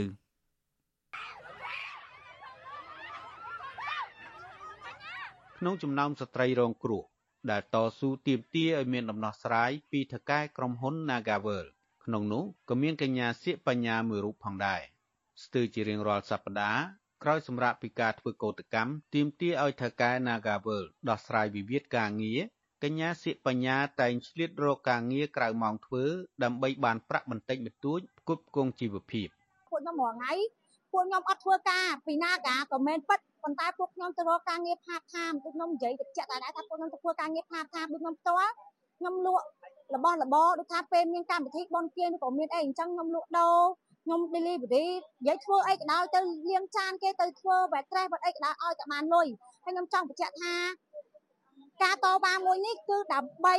គេហៅថាផលប្រយោជន៍រួមដើម្បីសិទ្ធិការងាររួមមិនមែនតែដើម្បីបានតែសិទ្ធិការងាររបស់បងប្អូនកម្មករខ្មែរនៃក្រុមហ៊ុន Nagawal នេះហើយសម្រាប់ការតវ៉ានេះដែរគឺវាមានរយៈពេលយូរហើយហើយបើសិនជាករណីយើងបោះបង់ចោលវាព្រៀបវាព្រៀបស្មើនឹងយើងបោះបង់សិទ្ធិការងារបោះបង់សិទ្ធិជាមនុស្សយើងចោល កញ្ញាសៀកបញ្ញាគឺជាសមាជិកសហជីពទ្រទ្រង់សិទ្ធិការងារបុគ្គលិកកម្មករខ្មែរនៃក្រុមហ៊ុន Nagavel បញ្ញាពុំមានឈ្មោះកាត់ក្នុងបញ្ជីបុគ្គលិកត្រូវបណ្តេញចេញពីការងារនោះទេតែដោយសារនាងមើលឃើញពីភាពអយុត្តិធម៌ដែលថៅកែបញ្ឈប់បុគ្គលិករាប់ពាន់នាក់ទាំងគ្មានកំហុសទើបនាងសម្រេចចិត្តចេញតវ៉ាទាមទារឲ្យថៅកែទទួលយកបុគ្គលិកទាំងអស់ចូលធ្វើការវិញ។ ភាពឈឺចាប់របស់ខ្ញុំនឹងគឺខ្ញុំអត់អាចទទួលយកបានក្នុងនាមយើងជាខ្មែរយើងជាពលរដ្ឋខ្មែរដែលយើងធ្វើការនៅលើទឹកដីខ្មែរយើងហើយយើងរលុយឲ្យគេវល់លានដុល្លារជិះយន្តហោះយកទៅស្រុកគេតែបាយជាគេមិនឲ្យតម្លៃគេមើងងាយកម្មករខ្មែរយើងគេមិនត្រឹមមើងងាយកម្មករខ្មែរយើងទេគេមើងងាយច្បាប់ប្រទេសកម្ពុជាគេមើងងាយច្បាប់ស្រុកខ្មែរយើងដោយសម្រាមអញ្ចឹងបញ្ញាជាស្ត្រីរងគ្រោះម្នាក់ក្នុងចំណោមស្ត្រីកោតក្រជាច្រើនអ្នក ក្នុងការបង្ក្រាបដោយហិង្សាពីកម្លាំងសមត្ថកិច្ចនិងសន្តិសុខបនលបែង Nagavel កាលពីថ្ងៃទី11ខែសីហាឆ្នាំ2022ដែលបានវាយចំទ្រូងខាងឆ្វេងរបស់បញ្ញាធ្វើឲ្យក្រមក្នុងនិងឈឺចុកចាប់រាប់ខែបើទោះជានាងរងការបង្ក្រាប ការគំរាមកំហែងនិងការបៀតបៀនរាងកាយពីកម្លាំងសមត្ថកិច្ចជាបរិះទាំងនោះបែបណាក្តីក៏បញ្ញានៅតែតស៊ូក្រាញននាលមិនចុះចាញ់ឡើយ។ ពួកនឹងវាស៊ីឈ្នួលគេហ្នឹងបានវាមានលុយបានវាអាចតវ៉ាបន្តរាល់ថ្ងៃហ្នឹងពាក់ព័ន្ធត្រង់ចំណុចមួយហ្នឹងខ្ញុំចង់បញ្ជាក់ថាខ្ញុំអត់មានឈ្មោះការទេតែមូលហេតុដែលខ្ញុំបោះបង់ប្រាក់ខែខ្ញុំចោលរាប់ឆ្នាំដើម្បីចេញមកតវ៉ាទី1ដោយសារតាខ្ញុំធ្វើការខ្ញុំអត់អាចអត់មានវត្តមានសហជីពឯករាជ្យ LOSU បានទេនៅក្នុងក្រុមហ៊ុន Nagawer ព្រោះដោយសារតាសហជីពឯករាជ្យគឺគាត់តែងតែការពីអត្ថប្រយោជន៍ឲ្យកម្មករខ្មែរការកឹប កេងកម្លាំងពលកម្មការរំលោភបំពានសិទ្ធិ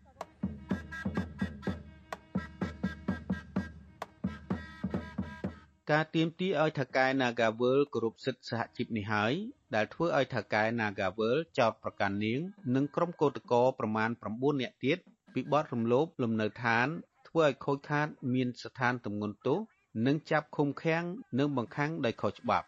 ជាងនេះទៀតអាជ្ញាធរក្រុងភ្នំពេញបានចាប់ប្រធានសហជីព គឺកញ្ញាឈឹមស៊ីធដាក់ពន្ធនាគារព្រៃសរជាលើកទី2ទាំងអយុធធរតកតងទៅនឹងសិទ្ធិសេរីភាពជាមូលដ្ឋាន នៅពេលដែលគាត់ត្រូវបានគេរំលោភដោយអយុត្តិធម៌ហើយហើយគាត់ទទួលយកនៅអាការរំលោភដោយអយុត្តិធម៌អំពីសំណាក់អាជ្ញាធរភិក្ខីពាក់ព័ន្ធការចាត់ប្រកាន់ដែលមិនអាចទទួលយកបានខ្ញុំគិតថាអាហ្នឹងវាធ្វើឲ្យមានការឈឺចាប់ហើយអ្នកដែលគាត់ជាជនរងគ្រោះហ្នឹងគាត់ត្រូវជាជនរងគ្រោះ បន្ថែមពីលើនៅអយុត្តិធម៌ដែលគាត់ទទួលបាននឹងទៀតកញ្ញាបញ្ញាកើតនៅក្នុងសង្កាត់ឆេះរទេសខណ្ឌកំបូលរាជធានីភ្នំពេញហើយនាងជាកូនទី5នៅក្នុងចំណោមបងប្អូន9នាក់ដែលមានឪពុកម្ដាយជាកសិករដោយសារតែស្ថានភាពគ្រួសារក្រីក្រនិងមានប្អូនប្អូននៅក្នុងបន្ទុកច្រើន ធ្វើឲ្យបញ្ញារៀនបានត្រឹមថ្នាក់ទី12ប៉ុណ្ណោះអ្វីត្បិតតែបញ្ញាជាកូនទី5 ប៉ុន្តែនាងត្រូវរ៉ាប់រងបន្ទុកគ្រួសារជាច្រើន ជាពិសេសគឺរកប្រាក់ផ្គត់ផ្គង់ម្ដាយដែលមានពិការភាពនៅលើក្រែនិងសងបំណុលធនាគារបញ្ញាប្រឈមនឹងបញ្ហាផ្ទួនផ្ទួនគ្នាពលគឺនាងបានបាត់បង់ការងារនិងមិនយូរប៉ុន្មាន នាងក៏ត្រូវបាត់បង់ឪពុកជាទីស្រឡាញ់ម្នាក់ទៀតនៅក្នុងឆ្នាំ2022ដោយសារគ្រោះថ្នាក់ចរាចរណ៍ទោះជាយ៉ាងណាក្តី កញ្ញាសៀកបញ្ញានៅតែប្រកាន់គោលជំហរទាមទាររកដំណោះស្រាយពីថៅកែក្រុមហ៊ុន Nagavel បើទោះជានាងរងការចោទប្រកាន់តាមផ្លូវតុលាការការធ្វើទុកបុកម្នេញនិងប្រឈមការជាប់ពន្ធនាគារក្តីបញ្ញាជំរុញដល់ពលរដ្ឋយុវជនដែលរងភាពអយុត្តិធម៌សង្គមឲ្យហ៊ានតស៊ូប្រឆាំងនឹងការរំលោភសិទ្ធិសេរីភាព និងសិទ្ធិការងារពីព្រោះកញ្ញាយល់ឃើញថា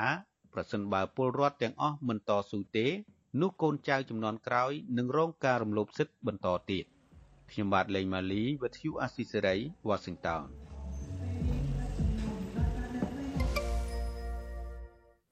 បាទលោកអ្នកនាងជាទីមេត្រីប្រសិនបើលោកអ្នកនាងចង់ទស្សនាវីដេអូអំពីជីវិតតស៊ូរបស់កញ្ញាសៀកបញ្ញានេះជាថ្មីម្ដងទៀតលោកអ្នកនាងអាចចូលទៅកាន់ទំព័រ Facebook និងគេហទំព័ររបស់ Vuthu Azizi Serai យើងនឹងបង្ហោះវីដេអូនេះពេញនៅលើបណ្ដាញសង្គមរបស់យើងទាំងនៅលើ Facebook ទាំងនៅលើ YouTube ហើយនៅលើ website របស់យើងដូច្នេះសូមលោកអ្នកនាងបន្តគ្រប់គ្រងការផ្សាយរបស់ Vuthu Azizi Serai និងមេតិការព័ត៌មានរបស់យើងជាបន្តបន្ទាប់ទៀត។ បើលោកអ្នកនាងជាទីមេត្រីនៅពេលនេះយើងងាកទៅចាប់អារម្មណ៍ពាក់ព័ន្ធទៅនឹងវិស័យអប់រំឯនេះវិញមន្ត្រីអង្គការសង្គមស៊ីវិលលើកឡើងថាការក្លែងបន្លំសញ្ញាបត្រមធ្យមសិក្សាទុតិយភូមិឬមួយក៏បាក់ឌុបដើម្បីយកទៅប្រើប្រាស់ដើម្បីប្រឡងចូលរៀនតាមសាកលវិទ្យាល័យនិងប្រឡងក្របខ័ណ្ឌរដ្ឋនានានោះអាចធ្វើទៅបានលុះត្រាតែមានអំពើពុករលួយជាប្រព័ន្ធ។ បាទការលើកឡើងបែបនេះគឺបន្ទាប់ពីក្រសួងអប់រំយុវជននិងកីឡាបានបង្ហោះសេចក្តីប្រកាសព័ត៌មានរបស់គណៈកម្មាធិការប្រឡងថ្នាក់ជាតិធ្លាប់បានរកឃើញករណីនិស្សិតក្លែងបន្លំសញ្ញាបត្រមធ្យមសិក្សាទុតិយភូមិឬមួយក៏សញ្ញាបត្របាក់ឌុបនេះបាទយើងប្រកុលនីតិនេះជូនលោកជីវិតារាយការណ៍ជូនលោកអ្នកនាងក្រសួងអប់រំយុវជននិងកីឡា នៅថ្ងៃទី11មករា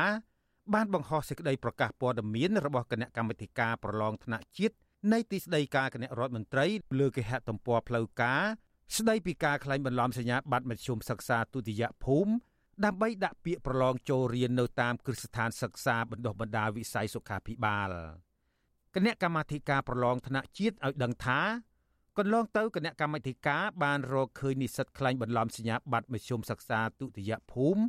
ហើយប្រឡងចូលរៀននៅតាមគ្រឹះស្ថានបណ្ដុះបណ្ដាលក្នុងវិស័យសុខាភិបាល និងបានលុបឈ្មោះនិស្សិតទាំងនោះចេញពីបញ្ជីឈ្មោះនិស្សិតប្រឡងទៀតផងគណៈកម្មាធិការប្រឡងថ្នាក់ជាតិបញ្ជាក់ថាខ្លួននឹងពង្រឹងការអនុវត្តច្បាប់និងបទបញ្ជានានាតាមបទបញ្ញត្តិស្តីពីបទក្លែងបន្លំឯកសារសាធារណៈដែលជនបង្កត្រូវផ្ដន្ទាទោសដាក់ពន្ធនាគារពី5ឆ្នាំទៅ10ឆ្នាំនិងមិនលើកលែងចំពោះអ្នកប៉ុនប៉ងឬអ្នកក្លែងបន្លំសញ្ញាបត្រមធ្យមសិក្សាទុតិយភូមិ ឬសញ្ញាបត្របាក់ឌុបដើម្បីបញ្ចប់ការក្លែងបន្លំឯកសារសាធារណៈនិងលើកកម្ពស់កេរ្តិ៍ឈ្មោះគ្រូពេទ្យជាដើមគណៈកម្មាធិការប្រឡងថ្នាក់ជាតិឲ្យដឹងទៀតថានិស្សិតដែលធ្លាប់ត្រូវបានលុបឈ្មោះចេញពីបញ្ជីប្រឡងជ្រើសរើសហើយមិនត្រូវបានអនុញ្ញាតឲ្យចូលប្រឡងថ្នាក់ជាតិម្ដងទៀតឡើយគណៈកម្មាធិការប្រឡងថ្នាក់ជាតិបន្តថាអាជ្ញាធរនឹងដកហូតសញ្ញាបត្រប្រកបវិជ្ជាជីវៈពេទ្យវិញ នៅពេលរកឃើញថាបុគ្គលនោះទទួលសញ្ញាបត្រក្រោយពីបន្លំឯកសារសាធារណៈវិទ្យុអាស៊ីសេរីនៅមិនទាន់អាចតាក់ទងអ្នកនាំពាក្យក្រសួងអប់រំយុវជននិងកីឡាលោកកាន់ពុទ្ធីនិងអ្នកនាំពាក្យអង្គភាពប្រឆាំងអំពើពុករលួយលោកសយច័ន្ទវិចិត្រដើម្បីសូមអត្ថាធិប្បាយជុំវិញបញ្ហានេះបាននៅឡើយទេនៅថ្ងៃទី11មករាដោយទូរស័ព្ទចូលតែគ្មានអ្នកទទួលទោះជាយ៉ាងណា ប្រធានសមាគមគ្រូបង្រៀនកម្ពុជាឯករាជ្យអ្នកស្រីអុកឆាយាវីមានប្រសាសន៍ថាអ្នកស្រីធ្លាប់បានដឹងអំពីការក្លែងបន្លំសញ្ញាបត្រមធ្យមសិក្សាទុតិយភូមិនេះពីមុនមកហើយអ្នកស្រីថាអំពើពុករលួយជាប្រព័ន្ធបែបនេះមិនមែនអ្នកតូចតាចថ្នាក់ក្រោមអាចធ្វើបាននោះទេ ខ្ញុំសួរថាមូលហេតុអីបានខ្លែងបានព្រោះអីអ្នកកាន់ត្រាអ្នកចុះហត្ថលេខា គឺសត្វតែជាមន្ត្រីជាន់ខ្ពស់ហើយសួរថាហេតុអីបានឲ្យយកត្រានឹងមកខ្លែងបន្លំហើយស្រែកថាអត់ដឹងអីផងអ្នកខ្លែងបន្លំចេះតែខ្លែងបាននេះជារឿងមួយដែលប្រទេសខ្មែរយើងហ្នឹងតែងតែចង្អល់ចោតដាក់គ្នាទោះថានៅពេលដែលគេខ្លែងបានដោយសារតែគេថាពាក្យចាស់គេថាអីខ្មោចខ្មោចស្រុកឲ្យដៃបានខ្មោចព្រៃហ្នឹងវាហ៊ានណាណាតាកតងនឹងបញ្ហានេះអតីតមន្ត្រីជាន់ខ្ពស់នៃមន្ទីរសុខាភិបាលខេត្តបៃលិននិងជាមន្ត្រីគណៈបកភ្លើងទៀនលោកខឹមមុនីកុសល ដែលកំពុងភៀសខ្លួននៅក្រៅប្រទេសថ្លែងថាអំពើពុករលួយជាដើមហេតុនៃការក្លែងបន្លំសញ្ញាបត្របាក់ឌុបការប្រឡងចូលរៀននៅតាមសាលាបណ្ដុះបណ្ដាលវិស័យសុខាភិបាល និងការប្រឡងក្របខ័ណ្ឌមន្ត្រីរាជការជាដើម លោកថាបញ្ហានេះបង្ហាញពីកំសោយនៃការដឹកនាំរបស់រដ្ឋាភិបាលនិងប៉ះពាល់ធ្ងន់ធ្ងរចំពោះសវត្ថិភាពសុខភាពសាធារណៈប្រសិនបើរកមិនឃើញអ្នកខ្លាញ់បន្លំឯកសារដែលកំពុងប្រកបរបរវិជ្ជាជីវៈពេទ្យ អំពើពុករលួយវាមិនមែនផ្ដើមចេញពីថ្នាក់តូចទេ គឺអាថ្នាក់ធំបើយើងមើលទៅបើកសាលាឯកជនមួយមួយមិនមែនមិនមែនថ្នាក់ខេត្តឬក៏ថ្នាក់ក្រុងជាអ្នកសញ្ញេឲ្យបើកទេណាបើអត់មានខ្សែធំរហូតទៅដល់ឧបនាយករដ្ឋមន្ត្រីយករដ្ឋមន្ត្រីនៅពីក្រោយសញ្ញេអីទេគឺបើកអត់បានទេអញ្ចឹងប្រព័ន្ធហ្នឹងវាវាវាបានចាក់គ្រឹះមួយជ្រៅណាធ្វើឲ្យសង្គមជាតិរបស់យើងនឹងធ្លាក់ទៅក្នុងអំពើគេហៅថាបោកប្រាស់ពុករលួយហ្នឹងវាវាស៊ីជម្រៅណាស់អញ្ចឹងដើម្បីអាចកែប្រែប្រព័ន្ធនឹងបាន គឺបើយើងត្រូវមើលទៅលើរបៀបនៃការដឹកនាំកាលពីឆ្នាំ2022គណៈកម្មាធិការប្រឡងថ្នាក់ជាតិធ្លាប់បានលុបឈ្មោះនិស្សិតប្រឡងជ្រើសរើសចូលរៀននៅតាមគ្រឹះស្ថានបណ្ដុះបណ្ដាលវិស័យសុខាភិបាលចំនួន43នាក់ដែលជាអ្នកលួចបន្លំសម្រាប់ឆ្នាំ2019ដល់ឆ្នាំ2020ដែលបានក្លែងបន្លំសញ្ញាបត្រមធ្យមសិក្សាទុតិយភូមិឬសញ្ញាបត្របាក់ឌុប មន្ត្រីសង្គមស៊ីវិលលើកឡើងថា ដើម្បីធានាគុណភាពប្រឡងចូលរៀនក្នុងវិស័យសុខាភិបាលនិងការជ្រើសរើសក្របខ័ណ្ឌមន្ត្រីរាជការលុះត្រាតែរដ្ឋាភិបាលមានឆន្ទៈពិតប្រាកដក្នុងការលុបបំបាត់អំពើពុករលួយជាប្រព័ន្ធជាមុនសិនទើបអាចជ្រើសរើសបានមន្ត្រីមានសមត្ថភាពនិងចំណេះដឹងពិតប្រាកដខ្ញុំជីវិតាអាស៊ីសេរីបាទលោកនាងជាទីមេត្រីយើងងាកមកចាប់អារម្មណ៍តាក់ទងទៅនឹងរឿងបំណុលរបស់កម្ពុជាឯនេះវិញ សាធារណរដ្ឋឆេកបានសម្រេចលុបបំណុលរបស់កម្ពុជា ដោយបង្វែរបំណុលទាំងនេះទៅជាជំនួយអភិវឌ្ឍផ្នែកបច្ចេកវិទ្យាសន្តិសុខនិងកសិកម្មជាដើម។ បាទការបញ្ជាក់ពីការលុបបំណុលជាង3លានដុល្លារដែលកម្ពុជាបានជំពាក់ប្រទេសឆេកកាលពីទសវត្សរ៍ឆ្នាំ1980នោះធ្វើឡើងនៅក្នុងជំនួបរវាងលោកនាយរដ្ឋមន្ត្រីហ៊ុនម៉ាណែតជាមួយនឹងឯកអគ្គរដ្ឋទូតសាធារណរដ្ឋឆេកប្រចាំកម្ពុជា គឺលោក Martin Vavria នៅទីក្រុងភ្នំពេញ កាលពីថ្ងៃទី10ខែមករា កាលពីថ្ងៃកាលពីខែធ្នូឆ្នាំ2023កន្លងទៅនេះលោក Martin Vavra ក៏បានជួបពិភាក្សាជាមួយនឹងរដ្ឋមន្ត្រីក្រសួងកសិកម្មគឺលោកដិតទីណាពាក់ព័ន្ធទៅនឹងការកសាងធនធានមនុស្សនៅក្នុងវិស័យកសិកម្មនិងសក្តានុពលនៅក្នុងការវិនិយោគផ្សេងៗទៀតលើវិស័យជលផលផងដែរបាទរដ្ឋាភិបាលកម្ពុជាបានចាប់ផ្ដើមស្នើសុំលុបបំណុលនេះនៅពេលដែលគណៈប្រតិភូសាធារណរដ្ឋឆេកបានមកទស្សនាកម្ពុជា កាលពីឆ្នាំ2008 កម្ពុជាបានខ្ចីប្រាក់ចំនួន3លាន6សែនដុល្លារអាមេរិកពីរដ្ឋាភិបាលសាធារណរដ្ឋឆេកនៅក្នុងឆ្នាំ1983 1984និងឆ្នាំ1986ដើម្បីបង្កើតរោងចក្រផលិតវាយនភ័ណ្ឌនិងកែច្នៃអាហារ។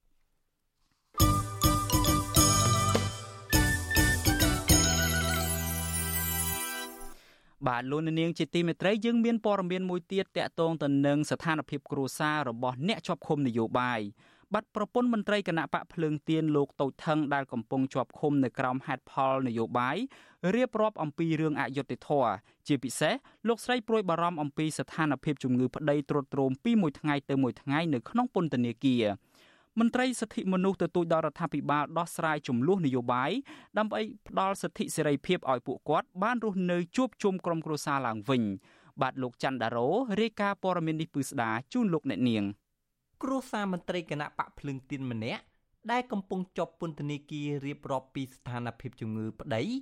លីលំការឈឺចាប់និងការរស់នៅរងទុក្ខវេទនា ពួកគេអំពាវនាវដល់រដ្ឋាភិបាល បញ្ឈប់យកសមាជិកគ្រួសាររបស់ពួកគាត់ធ្វើជាចំណាត់ខ្មាំងហើយងាកមកបញ្ចប់ចំនួននយោបាយឡើងវិញប្រពន្ធរបស់មន្ត្រីគណៈបកភ្លើងទៀនលោកតូចថងគឺអ្នកស្រីហាញ់សវណ្ណារៀបរាប់ថាទោះបីជីវភាពខ្វះខាតយ៉ាងណាក្តី លោកស្រីតែងតែធ្វើដំណើរឡើងចុះពីភ្នំពេញ ទៅពន្ធនាគារឆ្ងាយដាច់ស្រយាលក្នុងខេត្តពោធិ៍សាត់ដើម្បីសួរសុខទុក្ខនិងលើកទឹកចិត្តប្តីយ៉ាងហោច ឲ្យបានពីរសប្តាហ៍ម្ដងប៉ុន្តែលោកស្រីឲ្យដឹងថា រយៈពេលចុងក្រោយនេះ ស្ថានភាពសុខភាពប្តីរបស់អ្នកស្រី បានចុះខ្សោយខ្លាំងដោយសារតែជំងឺភ្នែកជំងឺលើឈាម និងជំងឺបេះដូងធ្វើទុកជាប្រចាំដែលត្រូវការពិនិត្យព្យាបាលពីគ្រូពេទ្យលោកស្រី បារម្ភខ្លាចប្តីទ្រាំនឹងការឈឺចាប់លែងបាន អាចធ្វើឲ្យប៉ះពាល់ដល់សុខភាពធ្ងន់ធ្ងរ ខណៈតឡាការនៅតែបន្តឃុំខ្លួនគាត់ជិត1ឆ្នាំទាំងគ្មានកំហុសខ្ញុំថាបើតែខាងតឡាការដោះលែងគាត់ហ្នឹងវាអាចធូររឿងនយោបាយបើថាគាត់អត់ព្រមដោះលែង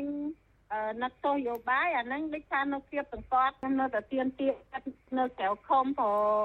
គាត់ចាស់ហើយមិនមែនគាត់នៅក្មេងទេហើយគាត់ព្រួយបារម្ភផ្នែកគាត់ហើយគាត់ល្ងាហើយជួនគាត់ទៅនៅជើងភ្នំចឹងខ្ញុំសុំឲ្យគាត់នៅក្រៅឃុំហ្មងហើយខ្ញុំអត់សុំថាឲ្យគាត់នៅព្រីសតទេអញ្ញាធិក្រុងភ្នំពេញ បានចាប់ខ្លួនលោកតូចថងរួមជាមួយមន្ត្រីគណៈបកភ្លើងទៀនពីររូបផ្សេងទៀតគឺលោកខឿនវិរៈនិងអ្នកស្រីនូសុធារី កាលពីខែមិនិនាឆ្នាំ2023 ក្រោយតុលាការក្រុងភ្នំពេញ កាត់ទោសឲ្យពួកគេជាប់ពន្ធនាគារ2ឆ្នាំ ពីបទក្លែងបន្លំឯកសារក្នុងការបង្កើតគណៈបកបេះដូងជាតិកាលពីឆ្នាំ2021ការចាប់ខ្លួននេះគឺ6ម៉ោងមុនពេលតុលាការក្រុងភ្នំពេញ កាត់ទោសឲ្យលោកសៀងភ្លុកជាប់ពន្ធនាគារ2ឆ្នាំ6ខែក្នុងបទចោទដូចគ្នាមិនតែប៉ុណ្ណោះមន្ត្រីនៃអគ្គនាយកដ្ឋានពន្ធនាគារ កាលពីខែវិច្ឆិកាឆ្នាំ2023បានវីខ្នោះលោកតូចថងរុញបញ្ចូលក្នុងឡាន ដឹកទៅមណ្ឌលអប់រំកែប្រែមើ4ក្នុងស្រុកភ្នំក្រវាញខេត្តពោធិ៍សាត់បន្ទាប់ពីប្រធានក្រុមប្រឹក្សាជំនុំជម្រះនៃតុលាការកំពូល បានបដិសេធលើបណ្ដឹងសុំនៅក្រៅឃុំបណ្ដោះអាសន្នប្តីកំពុងជាប់ឃុំស្របពេលអាញាធរគម្រាមកំហែងឲ្យឈប់ផ្ដល់បទសម្ភាសជាមួយអ្នកសារព័ត៌មានបែបណាក្តី ក៏អ្នកស្រីហាញ់សវណ្ណាមិនខ្លាចក្នុងការនិយាយរឿងអយុត្តិធម៌ឡើយដោយលោកស្រី នៅតែចាត់ទុកការចាប់ខ្លួននិងចោទប្រកាន់ប្តីដាក់ពន្ធនាគារជិត1ឆ្នាំឲ្យរស់នៅប្រត់គ្នា រួមទាំងការបញ្ជូនប្តីទៅឃុំនៅតំបន់ព្រៃភ្នំ ឆ្ងាយពីគ្រួសារថាជាការដាក់សម្ពាធផ្នែកនយោបាយដោយសារតែប្តីអ្នកស្រី មិនព្រមបដូរឆន្ទៈទៅចុះចោជាមួយគណៈបកកាន់អំណាច ខ្ញុំនៅព្រួយបារម្ភថាគាត់គៀបផ្លូវចិត្តគាត់ណាក៏គាត់ទៀបគាត់ថាឲ្យគាត់ចូលគេហើយគាត់អត់ចូលដល់គេជូនគាត់ទៅនឹងអត់មានអីទៅមុខទៀតទេមានតែទោសយោបាយហ្នឹងហើយអត់មានថាស្រាមេតាយនេះអីហ្នឹងខ្ញុំមិនយល់ស្របទេទោសយោបាយហើយធ្វើបាបចិត្តគាត់ធ្វើបាបក្រុមគ្រួសារជូនគាត់ទៅឆ្ងាយអញ្ចឹងណាឆ្លើយតបរឿងនេះអ្នកនាំពាក្យអគ្គនាយកដ្ឋានពន្ធនាគារនៃក្រសួងមហាផ្ទៃ លោកនុតសវណ្ណាប្រាប់វិទ្យុអាស៊ីសេរីថា លោកពុំទាន់ដឹងច្បាស់អំពីស្ថានភាពសុខភាពរបស់លោកតូចថងនៅឡើយទេ តែយ៉ាងណា លោកអះអាងថាករណីបញ្ជូនលោកតូចថងទៅមណ្ឌលអប់រំកែប្រែមើ4មិនជាប់ពាក់ព័ន្ធរឿងនយោបាយនោះទេ លោកនុតសវណ្ណាជំរុញឲ្យគ្រួសារដាក់សំណើទៅរដ្ឋមន្ត្រីក្រសួងមហាផ្ទៃលោកសសុខាដើម្បីពិនិត្យនិងដោះស្រាយរឿងនេះអ តែមានសំណើយើងពិនិត្យតែយើងមិនដែលសំណើមកយើងបោះចោលណាយើងធ្វើអញ្ចឹងមិនកើតយើងសេវាសាធារណៈអញ្ចឹងបើសិនជាមានប្រជាពលរដ្ឋគាត់ស្នើរឿងអីមួយមកអាហ្នឹងយើងពិនិត្យជាក់ស្ដែងថាតើយើងអាចធ្វើកិច្ចការហ្នឹងបានកម្រិតណាដើម្បីបំពេញទៅតាមការស្នើសុំនោះព្រោះហ្នឹងវាមានបែបបទនីតិវិធីការងាររដ្ឋបាលមកគេយើងមិនមែនចេះតែនិយាយនេះកើតណា ចំណែកមេធាវីការពីក្តីឲ្យលោកតូចថងគឺលោកសឿនជំជួនសោកស្ដាយចំពោះអគ្គនាយកដ្ឋានពន្ធនាគារការពីពេលថ្មីថ្មីនេះបានបដិសេធសំណើសុំផ្ទេរកូនក្តីរបស់លោក មកពន្ធនាគារព្រៃសរវិញ ស្របពេលលោកតូចថងបានសម្រេចមិនប្តឹងសារទុកក្នុងសំណុំរឿងនេះដោយសារតែគាត់យល់ថាតឡាការគ្រប់ជាន់ថ្នាក់នឹងមិនផ្ដល់យុត្តិធម៌ឡើយលោកសឿនជំជួន ប្រាប់ថានីតិវិធីបន្តទៀតលោកនឹងជជែកជាមួយកូនក្តីដើម្បីរៀបចំឯកសារផ្ញើជូនរដ្ឋមន្ត្រីក្រសួងមហាផ្ទៃជួយអន្តរាគមន៍ដោះលែងលោកតូចថងឲ្យបាននៅក្រៅឃុំ ដើម្បីទទួលបានការពិនិត្យព្យាបាលជំងឺឲ្យបានត្រឹមត្រូវពីគ្រួសារក្រុមគ្រួសារគិតក្តីព្រមទាំងកូនក្តីខ្ញុំក៏បានសម្រេចចិត្តមិនបដិសេធទុកទេណាមិនបដិសេធទុកមានន័យថាគិតទទួលយកទៅអ្វីដែលជាសេចក្តីសម្រេចរបស់ស្លាវថ ររំពេញណាដូច្នេះនីតិវិធីនៃការបដិសេធទូតនោះវាបានផ្ដោះសិទ្ធបាត់ទៅហើយប៉ុន្តែយើងអាចនឹងធ្វើចេះដោយយើងអាចនឹងស្នើទៅក្រសួងមកទេដើម្បីអន្តរាគមន៍ឲ្យគាត់បានបន្ធូរបន្ថយឬក៏មើលទៅលើស្ថានភាពចាក់ស្ដែងនៃសុខភាពរបស់គាត់ណាយើងអាចធ្វើអន្តរាគមន៍បែបនេះបានជុំវិញរឿងនេះប្រធានសមាគមការពារសិទ្ធិមនុស្សអាត6លោកនីសុខាមើលឃើញថា សំណុំរឿងរបស់លោកតូចថង ដោយទៅនឹងករណីសកម្មជនគណៈបកប្រឆាំងជាប់ឃុំដតីទៀតដែរគឺកើតចេញពីចំនួននយោបាយរវាងមេដឹកនាំគណៈបកកាន់អំណាច និងគណៈបកប្រឆាំងកន្លងទៅ លោកបន្តថា ប្រសិនបើស្ថានភាពនយោបាយមិនទាន់មានសញ្ញាវិជ្ជមានណាមួយនោះយុទ្ធធរសម្រាប់សកម្មជនបកប្រឆាំងអាចនៅវែងឆ្ងាយដែលបញ្ហានេះធ្វើឲ្យសកម្មជនជាប់ឃុំទាំងនោះហាក់គ្មានជំនឿលើប្រព័ន្ធតុលាការតទៅទៀត លោកនីសុខា អំពាវនាវដល់អ្នកនយោបាយងាកមកចូលតុចរចាដោះស្រាយបញ្ហាចំនួនដើម្បីបញ្ជៀសការរិះគន់និងតនកម្មពីសហគមន៍អន្តរជាតិជាពិសេសសហរដ្ឋអាមេរិកនិងសហភាពអឺរ៉ុប ខ្ញុំគិតថាមានតែផ្លូវសម្របសម្រួលមួយដើម្បីឲ្យមានការធូរស្រាលខាងផ្លូវនយោបាយហើយងាកទៅគណៈបកនយោបាយទាំងអស់រៀបចំសហការគ្នា ក្នុងការជជែកគ្នា ក្នុងការរៀបចំឈានទៅឆ្ពោះទៅរកដំណើរការដណ្ដើមអំណាចគ្នាតាមរយៈការបោះឆ្នោតមួយដែលសេរីត្រឹមត្រូវយុត្តិធម៌ទេដែលអាចធ្វើឲ្យស្ថានភាពប្រទេសកម្ពុជាអាចធូរស្រាលរឿងដែលដល់ដំណាក់កាលនេះហើយគឺមានតែការសម្រុះសម្រួលខាងផ្លូវនយោបាយទេដែលអាចធ្វើឲ្យអ្នកនយោបាយជាប់ឃុំទាំងអស់អាចមានសេរីភាពឡើងវិញបាទលោកតូចថងអាយុ75ឆ្នាំ មានដើមកំណត់ខ្មែរក្រោមលោកជាអតីតសមាជិកក្រុមការងារគណៈបកសង្គ្រោះជាតិប្រចាំខេត្តកំពង់ចាម ហើយលោកក៏ជាប្រធានគណៈកម្មាធិការប្រតិបត្តិគណៈបកភ្លើងទៀនប្រចាំខេត្តកំពង់ចាម រហូតដល់អាជ្ញាធរចាប់ខ្លួនដាក់ពន្ធនាគារមកដល់បច្ចុប្បន្ននេះអ្នកជំនាញសិទ្ធិមនុស្សនិងប្រទេសប្រជាធិបតេយ្យធំធំ តែងតែជំរុញដល់រដ្ឋាភិបាលថ្មីរបស់លោកហ៊ុនម៉ាណែតដោះលែងអ្នកជាប់ឃុំក្រោមហេតុផលនយោបាយដើម្បីបង្ហាញឆន្ទៈពិតប្រាកដក្នុងការស្ដារប្រជាធិបតេយ្យនិងការគោរពសិទ្ធិមនុស្សឡើងវិញប៉ុន្តែមកដល់ពេលនេះលោកហ៊ុនម៉ាណែតនៅតែមិនទាន់បង្ហាញជំហរដោះស្រាយបញ្ហាសំខាន់សំខាន់ដូចជាវិបត្តិនយោបាយបញ្ហាប្រព័ន្ធយុតិធម៌នៅឡើយទេខ្ញុំបាទច័ន្ទដារោ វិទ្យុអាស៊ីសេរីបាទលោកអ្នកនាងជាទីមេត្រីមកដល់ត្រឹមនេះការផ្សាយរបស់វិទ្យុអាស៊ីសេរីចប់ត្រឹមតែប៉ុណ្ណេះបាទខ្ញុំបាទសូមថ្លែងអំណរគុណដល់លោកអ្នកនាងកញ្ញាទាំងអស់ដែលបានតាមដានកម្មវិធីរបស់យើងតាំងតែពីដំបូងមក និងមានភក្ដីភាពចំពោះការផ្សាយរបស់យើងបាទការគ្រប់គ្រងរបស់លោកអ្នកនាងនេះហើយដែលធ្វើឲ្យយើងខ្ញុំមានទឹកចិត្តស្វាហាប់និងមោះមុតជាបន្តទៀតដើម្បីស្វែងរកព័ត៌មានពិតផ្សព្វផ្សាយជូនលោកអ្នកនាង ប្រសិនបើលោកអ្នកនាងចង់ជួយយើងខ្ញុំវិញគឺគ្រាន់តែលោកអ្នកនាងចុចចែករំលែកឬមួយក៏ share ការផ្សាយរបស់យើងទៅកាន់ក្រុមគ្រួសារមិត្តភ័ក្តិនិងបងប្អូនរបស់លោកអ្នកនាងនឹងទៅនេះគឺជាកម្លាំងចិត្តដ៏ធំសម្រាប់ក្រុមការងាររបស់អាស៊ីសេរីទាំងមូល